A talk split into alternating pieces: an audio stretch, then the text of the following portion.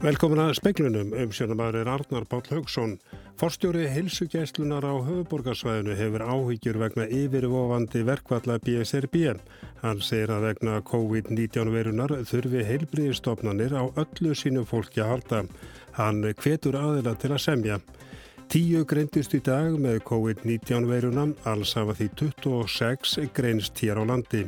Á fjörða hundra manns eru í sótt kvíð. Michael Bloomberg hefur ákveða hætta við frambóðsitt í fórkjöri demokrata fyrir fórsettakostningarnar í bandaríkjónum í nóvember. Stjórnvöldu stefnað því að árið 2030 verði helmingi færri undir fátaktarmörgum en nú. Félagsþar ákjafi hjá hjálpastarfi kirkjunar vill leggja niður tryggingastofnun og komi vekk fyrir að fólk eigi á hættu að verða tekjulaust mánuðu saman. Út frá reglum sem gildum réttindi flugfarþega er ekki hægt að gefa skýr svörum réttindi þeirra sem settir eru í sótkví erlendis og missa flugi heim. Óskar Reykdalsson, fórstjóri heilsugæslunar á höfuborgarsvæðinu, segist hafa áhyggjur af því ef verkvalli BSRB bresta á á mánudaginn. Hann segir að vegna COVID-verunar þurfi heilbriðstofnanir á öllu sínu starfsfólki að halda. Já, við höfum áhugir af því og það er þannig okkur að við þurfum á öllu okkar starfsfólki að halda og við höfum í svona álagstímum þegar mikið reynir á og verkefni rannast upp að þá þurfum við á öllum okkar fólki að halda og við teljum að það sé akkurat núna sem að reynir á og hvetjum auðvitað samningsaðara til þess að ná samningum. Það er mjög mikilvægt að ná samningum núna og þetta er mikil áskorun og það reynir á samtakamátt þjóðarinnar akkurat núna. Við viljum forðast það að þessi sjúkdómur COVID-19 breyðist út og verði til vandræða en sem komið er þá er þetta ekki stórkostlegt áhugjefni þó við séum að reyna að greina og vita hverjir eru en við erum fyrst og fremst að forðast útbreyðslu sjúkdómsins einmitt núna. Og verkvöldin geti haft áhrif á það? Verkvöldin hafa áhrif á það því það er fólk sem er mikilvægt. Það reynir á alla í okkar starfsmannakeðju. Allir eru mikilvægir og keðjan þarf að vera órofin þannig að við teljum mjög mikilvægt að samlingsæðilega setjast á borðum og ná í samkómalagi núna. Væru verkföll núna byrjulegs hættuleg? Ég tel það að vera já. Við getum, við, við, það, allavega hana, það er ef ekki fengist neinar undanþóður. En auðvitað verður að láta á það að reyna að få undanþóður fyrir þá sem eru okkur mjög mikilvægir og eru mikilvægir fyrir heilsufar þjóðarinnar. Þannig að við myndum láta á það reyna að sjálfsögða að fá undan þá fyrir það fólk sem er mikilvægt. Þetta var Óskar Ríkdalsson og hólfröðu dagni Fríðansdóttir talaði við hann. Fjórir járskjáltar stærrin þrýr hafa orðið á Reykjanesi nú sítiðis. Einar Bessi Gjertsson, náttúruvár sérfræðingur á viðurstofunni, segir að nokkra tilkynningar hafi borist frá fólkjum að það hafi fundið fyrir skjáltum. Fyrsti skjáltin varðum klukkan hálf 5 og stærsti skjáltin var 3,4 stærð. Skjáltanir urðu í um 10 km fjarlag frá Grindavík og ekki á þeim stað sem land hefur í síðustu vikur. Tíu greindust í dag með COVID-19 veiruna, fjórir í morgun og sex nú sítiðis. Heildarfjöldi staðferstra smita er því 26. Þeir sem greindust í, dag eru við góða heilsu en sína þó enginni á borði hósta, hýta og beinverki. Allir sem hafa greins með veiruna voru á ferðalagi á norður Ítalíu eða í Östuríki og höfðu því fengið ráðleggingar um að vera í sóttkví. Almannavarnir segja að erlendir ferðamenn á Íslandi sem alla jafna hafa ekki snertingu við viðkvæma hópa svo sem á sjúkrahúsum og öldrunarheimilum sæti ekki sömu varúðar aðgerðum. Engin smitt hafa greinst sem reykja má til innlendra smittleiða. Í tilkynningu frá almannavörnum frá klukkan 5 segir að nú séum 380 manns í sóttkví hér á landi. Unnið er að því að auka afkastagetu í greiningu smita á síkla og veirufræðidild landsbítala. Í ljósi fjölmargra fyrirspurna hafa almannavarnir ítrekað að yfirvöld hafa ekki líst yfir samkomiðbanni hér á landi. En það sé mjög mikilvægt að fólk sem hefur verið á skilgreyndum hættusvæðum virði ráðleggingar um sóttkví. Í þeim fælst að forðast samneiti við annað fólk í 14 daga. Á mannamótum er engar mikilvægt að til staðar sé aðstæða fyrir handfót og handspritun. Mælst er til að fólk noti aðrar kveðjur en handaband og faðumlög. Jón Hákon Haldursson saði frá. Rúmlega hundrað eru látnir úr COVID-19 veirun á Ítalíu, staðfest tilfelli þar í landi eru nú um 3000. Talið er að mun fleiri séu smitaðir en hafa fengið greiningum. 276 hafa náð bata og minnstið 295 eru alvarlega veikir. Ítölsk yfirvöld ákveða á sjötta tímanum að loka öllum skólum í landinu til 15. mars vegna útbreysli COVID-19 koronavirunar. Grunnskólum, framhaldsskólum og háskólum veru lokað frá með morgundeginum. Þá er stemt að því að stækka verulega það svæði sem skilgrindi er sem sóttkví. Útbreysla veirunar og fjölgun tilfella hefur viðtæk áhrif. Þíska flugfélagi Lufthansa tilkynni dag að 150 flugvilar félagsins veri kyrsettar vegna COVID-19. Alls er um 770 flugvilar í flota Lufthansa, stærsta flugfélags Þískalands. Fossásmenn félagsins greindu frá því fyrir í vikunni að flugförðu myndi fækka um fjórðung og næstu vikum vegna útbreyslu veirunar. Rúmlega 95.000 tilfelli veirunar hafi verið staðfest á heimsísu. Um 3.200 döðsvöld hafi verið rakinn til veirunar en rúmlega 50.000 manns hafa náð bata. Yngvar Þórbjörnsson saði frá. Félagi eigu Svonar Karls Vernessonar verður að skila þrótabúi Karls villu á Ítalíu sem Karl átti áður. Dómstólið til að engin greiðsla hafi komið fyrir villuna. Hérastómu Reykjavíkur fældi í dag dómi í riftunarmáli sem þrótabú Karls Vernessonar höfðaði. Skiptastjóri taldi að Karl hefði komið eignum undan gjaldþróti með því að flétja þær í félag sem hann hafði áður selg sinni sínum fyrir eina miljón króna. Það félag á meðal annars Vestlanakeðjana Liv og Helsu. Egnirna sem umvar dilt eru Villa Karls við borginna Lucia á Ítalju, Einbillishús á Arnanesi og Mercedes-Benz Volksbíl. Allt var þetta flutt af nafni Karls á nafnfélagsins Faxa skömmu fyrir gjaldþrótt Karls. Lámar félagsins sagði að greitt hefði verið fyrir villuna með yfirtöku veðskulda. Þeir sem voru skráðir við það var könnust hins var ekki við að Karl hefði skuldað þeim fjö þegar eigandaskiptin á villunni fór í gegn. Dómari taldi því að engin greiðsla hefði komið fyrir húsið, rifti viðskiptunum og skipaði föksum að afhenda þrótabúinu viljuna. Dómari tiltók sérstaklega að Karl hefði notað viljuna og fengi greiðslu fyrir leik á henni eftir meinta sölu til félagssónarsins. Dómarinn dæmdi félagi svo til að greiða 87 miljónir króna vegna kaup á einbillishúsin á Arnanesi og bíl Karls. Dómari taldi að oflítið hefði verið greitt fyrir einbillishúsið og ekkir fyrir bílinn. Karl var einn umsvifamesti fjárfestir landsins fyrir hrun en stór skuldur að loknum dómsmálum og gjaldþrótum fyrirtækja. Brynjólfur Þór Guðnarsson saði frá. Orkustóknur hefur sendið verkefnastjórn með fjórða áfanga ramma áætlunar um virkjana kosti 12 nýjar virkjana hugmyndir en á eftir að afgreða þriðja áfanga áætlunarinnar á alþingi. Ungurísáður ætlar að mæla fyrir þingsálutunatilugun á næstu vikum. Orkustofnin hefur sendt verkefnastjórn fjórða áfanga rammaáallunar 12 hugmyndir að nýjum virkinakostum og vonir á fleiri hugmyndum í april eftir að ídarlegri gögn berast frá þeim sem vilja virkja. Af þessum 12 hugmyndum eiga 6 að beisla vindorku og geta framleitt samtals 572 megavött af rammagni. Svo stærsta að notasteini við Hófaskarðsveg sem likur frá Kópaskýri austur í Þistilfjörð á að geta framleitt 190 megavött. Ein hugmyndir um jarðvarmavirkjun í bólöldu og tværum nýjar vassapsvirkjanir. Þá vil landsvirkjun stækka þrjár vassapsvirkjanir og auka framleyslu getu þeirra um samtals 210 megavött. Þessar tilugur eru nýjar í þeim skilningi að þær voru ekki til meðferðar í þriðja áfanganum sem Guðmundur Ingi Guðbrandsson umhverjus og auðlindar á þeirra ætlaði að mæla fyrir í á alþingi í lok síðasta mánadar.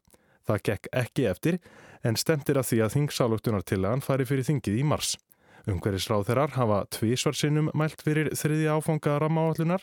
Lokaskíslan um hann var tilbúin í ágúst 2016. Ekki hefur tekist að afgreða tillöguna vegna stjórnarslita og alþingiskostninga. Birgir Þór Harðarsson saði frá.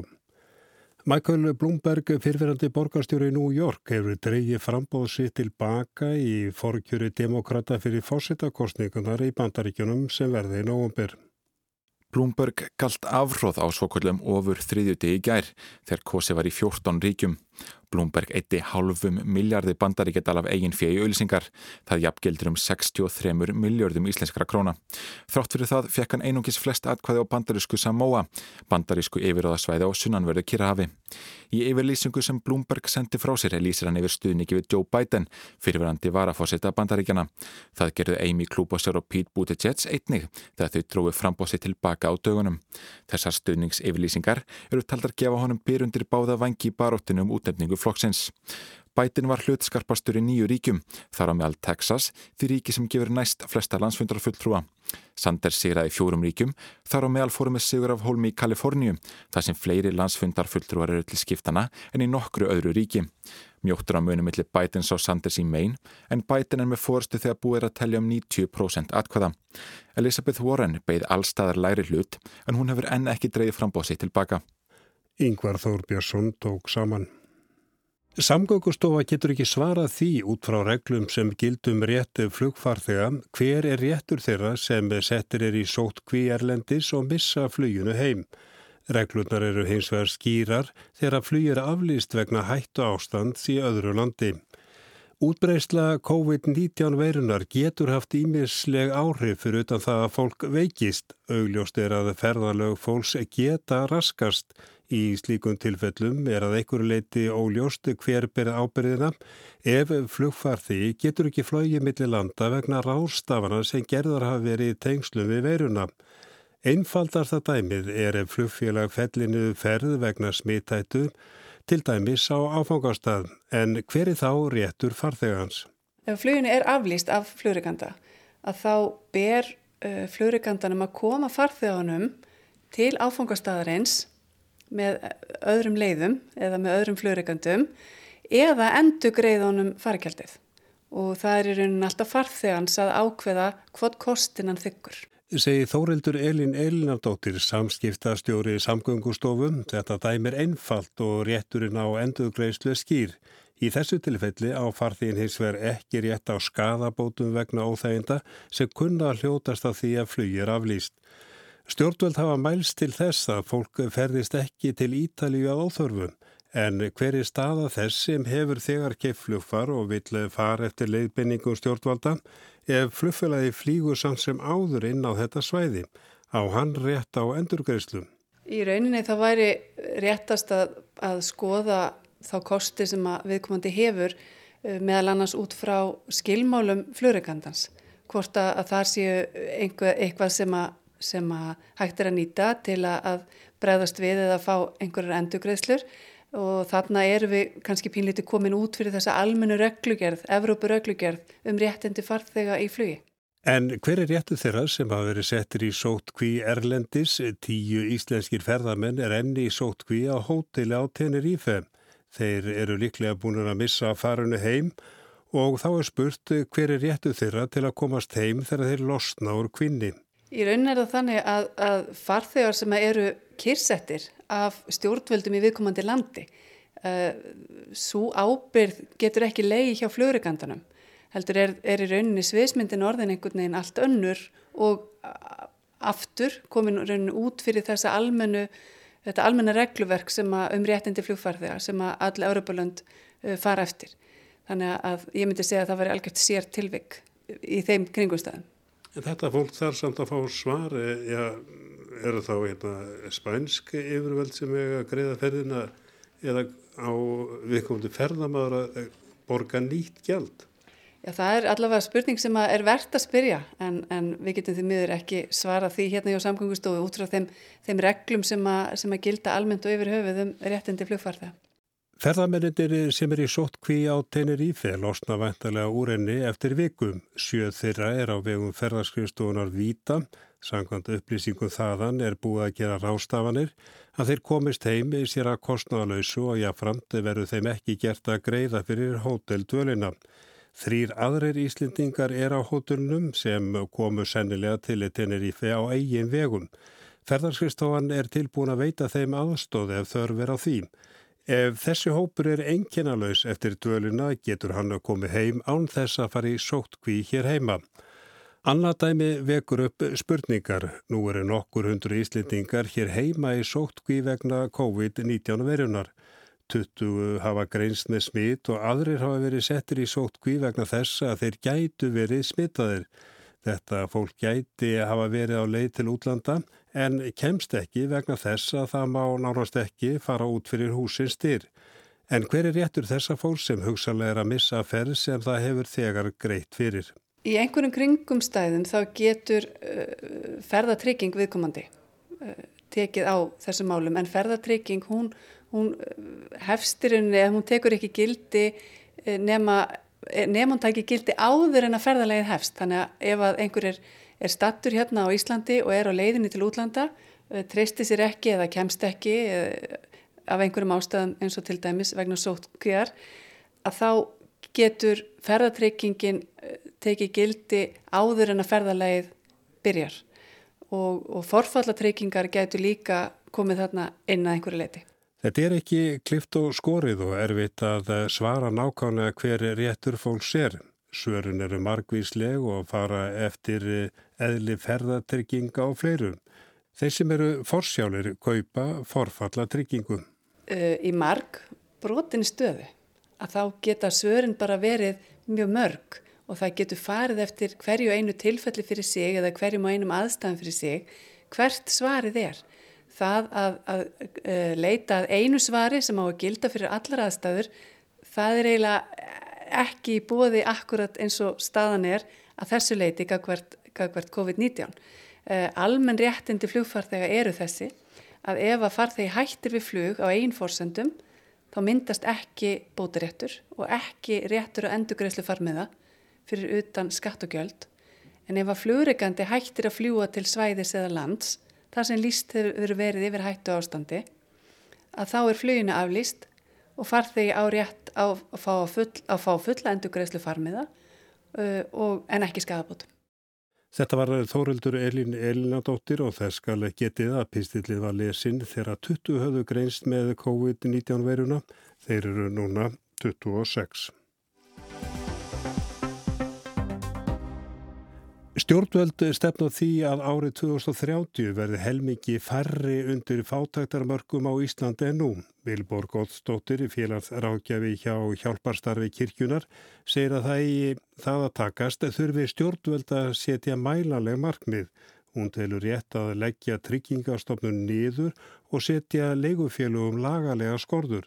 Þá vil hún að fátækt fólk komi meira stefnumótun í málafloknum. Á bylnu 18 til 35.000 búa við fátakt hverju sinni hér á landi eða 5 til 10% landsmanna. Kveikur fjallaði gær ítarlega um stöðu þessa hóps. Vilborg Ottsdóttir stýrir innanlandsstarfi hjálparstarskirkjunar og fer fyrir hópi velferðarvaktarinnar um sára fátakt. Hún vil að stjórnvöld taki málaflokkin fastari tökum. Men það kom fram í þættinum í kveiki gær að það væri eftir að minka fátakt fyrir 2030 út á hinsmarkmiðunum en það þarf að vera svona sko mælanlega markmið, þú veist ekki bara við ætlum, heldur hvernig á að gera það það þarf að vera, koma meira skýrt fram. Hún segir ekki duga að stopna nefndir og starfsópa, skýr aðgerða áallun sé forsenda þessa fjölmiðlar og félagasamtök geti veitt stjórnvöldum aðhald og slík áallun sé ekki til. Vilborg segir margt hægt að gera til að bæta stuðu fátökra á Íslandi. En ég ætla að segja þetta er samt ekki bara einhver einn ákvörðun. Bara ákvörðun það ég segi bara morgun þá myndu allir hækka um 70.000 krónar á mánuði. Það eitt og sér dugar ekki. Það myndu hjálpa ótrúlega mörgum til betri lífs. En á sama tíma þá þarf hann að böndum yfir húsnæðismarkaðin. Nýlega hafi leitað til hennar maður sem leiði íbúð á 315.000 krónur á mánuði.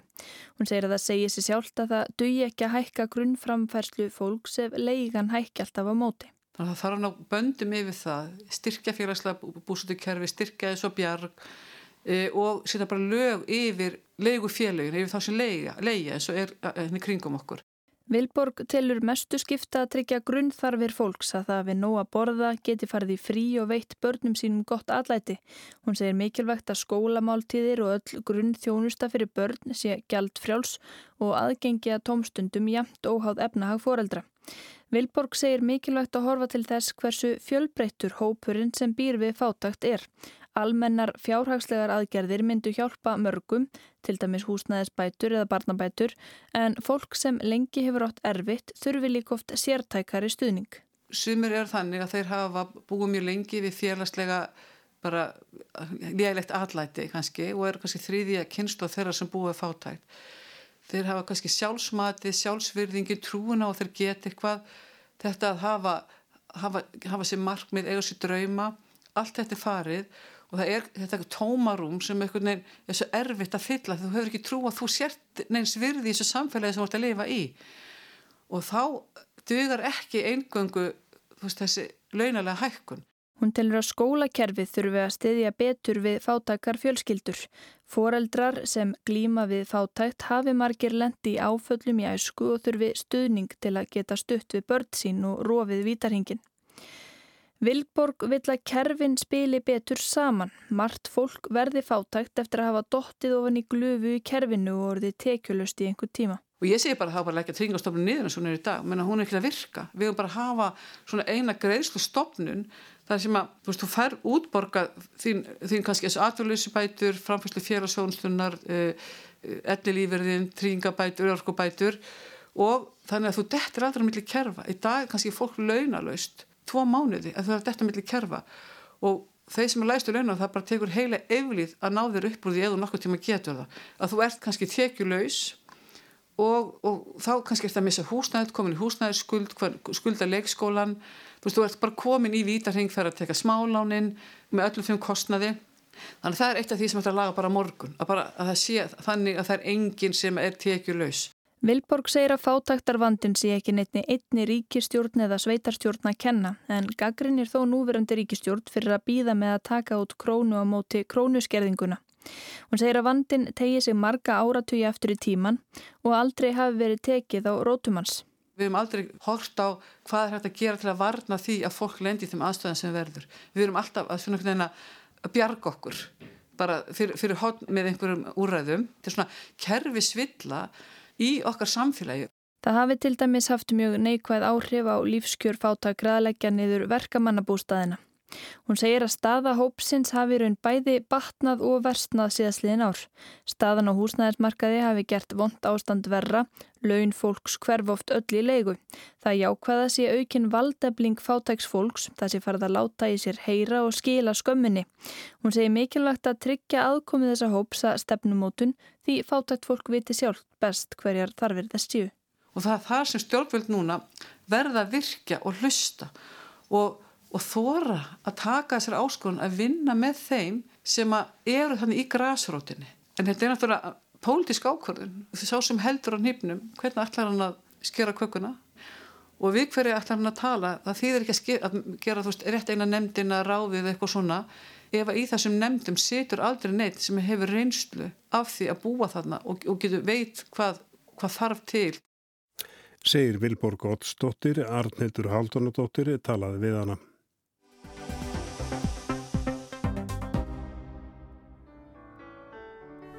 Dilo.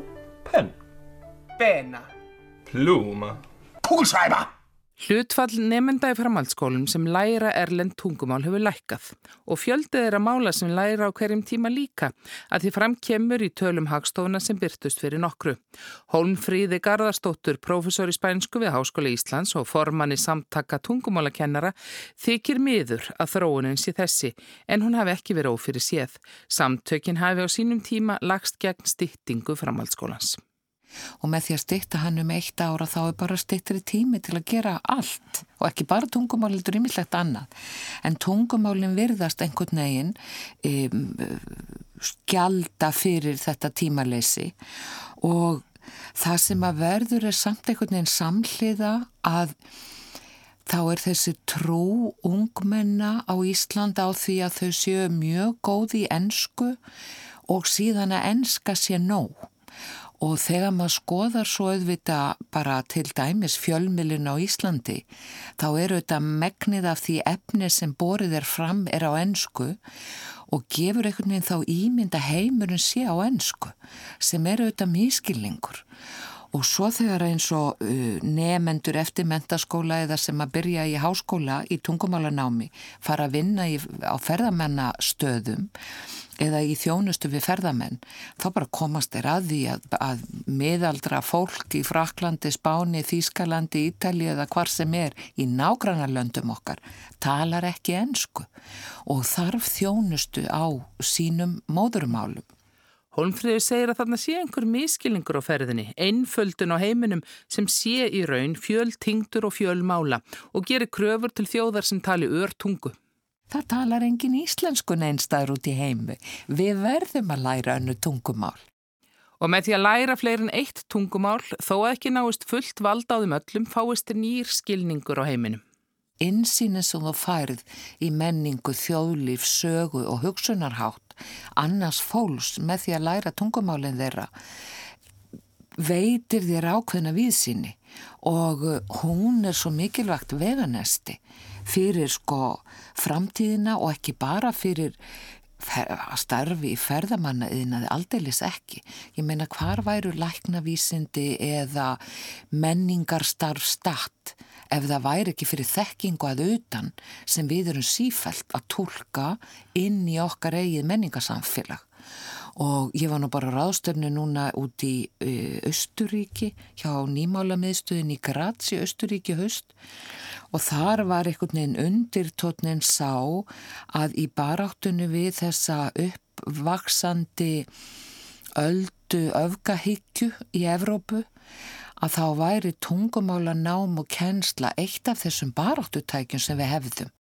Og ekki megi gleyma því að hinga til lands hafi flust fjöldi fólk sem tali aðra tungur en íslensku og þar sé fólkin fjórsjöður. Þetta eru auðvitað bara þekking sem kemur til okkar sem við hefum ekki lagt neitt á okkur fyrir að sko útvega en heldur berst okkur þetta bara með hérna vorvindunum mm. og það er held ég bara eitthvað sem að, sem að við hefum að finna leið til að rækta og, og líta á sem fjársjóð frekar en hindrun af því að það er bara allir fræðingar í máltöku e, staðfesta það að við getum skipta á milli auðveldlega þryggja tungumálins og ekkert sé. Áhugin á tungumálinámi verður samt vera minkandi. Það er eins og það sem eitt sem voru máladeildir í mentaskólum, aðsóknar þeim hefur dreyið saman og mörgir eru upplifa þetta. Þeir þurfi ekki öll þessi tungumál. Hm. En það er sko, ég held að það spilir líka inn í þessi tímaþröng. Það munar um eitt ár í æfi sko ungra mannesku, aldelsrein af því að svo þú kemur inn í háskóla, háskólana það nýbúið að byrta grein í tímeriti millimála um það að háskóla nemar við Háskóla Íslands vilja mjög gjarnan taka, hafa tækifæri til að taka meiri tungumál. Ekki endilega til að ljúka gráðu í tungumáli heldur viðhalda þekkingu sem þau þegar hafa úr mentaskólunum til þess og þá kannski sérhafðara námi sem tengist verkfræðinni sem þau eru að læra eða lögfræðinni sem þau eru að læra. Lesa, og þau staðfesta það í þessari í þessum könnun sem var gerð og greinin byggir á. Og ég held að það sé eitthvað sem að þarf að finna leið til að gangi upp í þessu, þar er líka takmarkaður árafjöldi og tímafjöldi og einingar sem fólk þarf að klára alls konar svona kerfislægar hindranir. Mm. Hólmfröður vonar að fækkun nefnda og minni sókn í máladeildir framhaldsskóla sé eitthvað sem gangi tilbaka. Í háskólanum sjáist líka þverrandi aðsókn í mál sem áður voru öflug en á sama tíma sé þó vera bjóða námi nýjum tungumálum, japansku, kínversku, arabísku og pólsku. Ég hef ekki áhyggjur áhyggjur en það er mikilvægt fyrir Ísland að hér á landi búi fólk sem talar sem flest tungumál og fjölþjóðlega hafa fjölþjóðlega insýn bara í umheiminn og það sem er að gerast annar staðar. Þannig að ég vona að þetta sé bara svona læð og svo rísi sól okkar enn frekar. Science. Science. Scienza. Scienza. Naturwissenschaften. Anna Kristi Jónsdóttir tók þennan pistil saman og talaði Hólfríði Garðarsdóttur. En við sögðum frá því meðal annars í speiklunum að fórstjóri heilsugjæslunar á höfuborgarsvæðinu hefur áhyggjur vegna yfirvofandi verkvalla BSRB sem eiga hefjast á mánudag. Hann segir að vegna COVID-19 verunar þurfi heilbriðstofnanir á öllu sínu fólki að halda. Hann hvetur aðila til að semja og tíu greindis í dag með COVID-veruna, alls hafa því 26 greinst hér á landi. En það er ekki fleira í speiklumni kvöld, tæknumar var Hapkell Sigursson verðið sæl.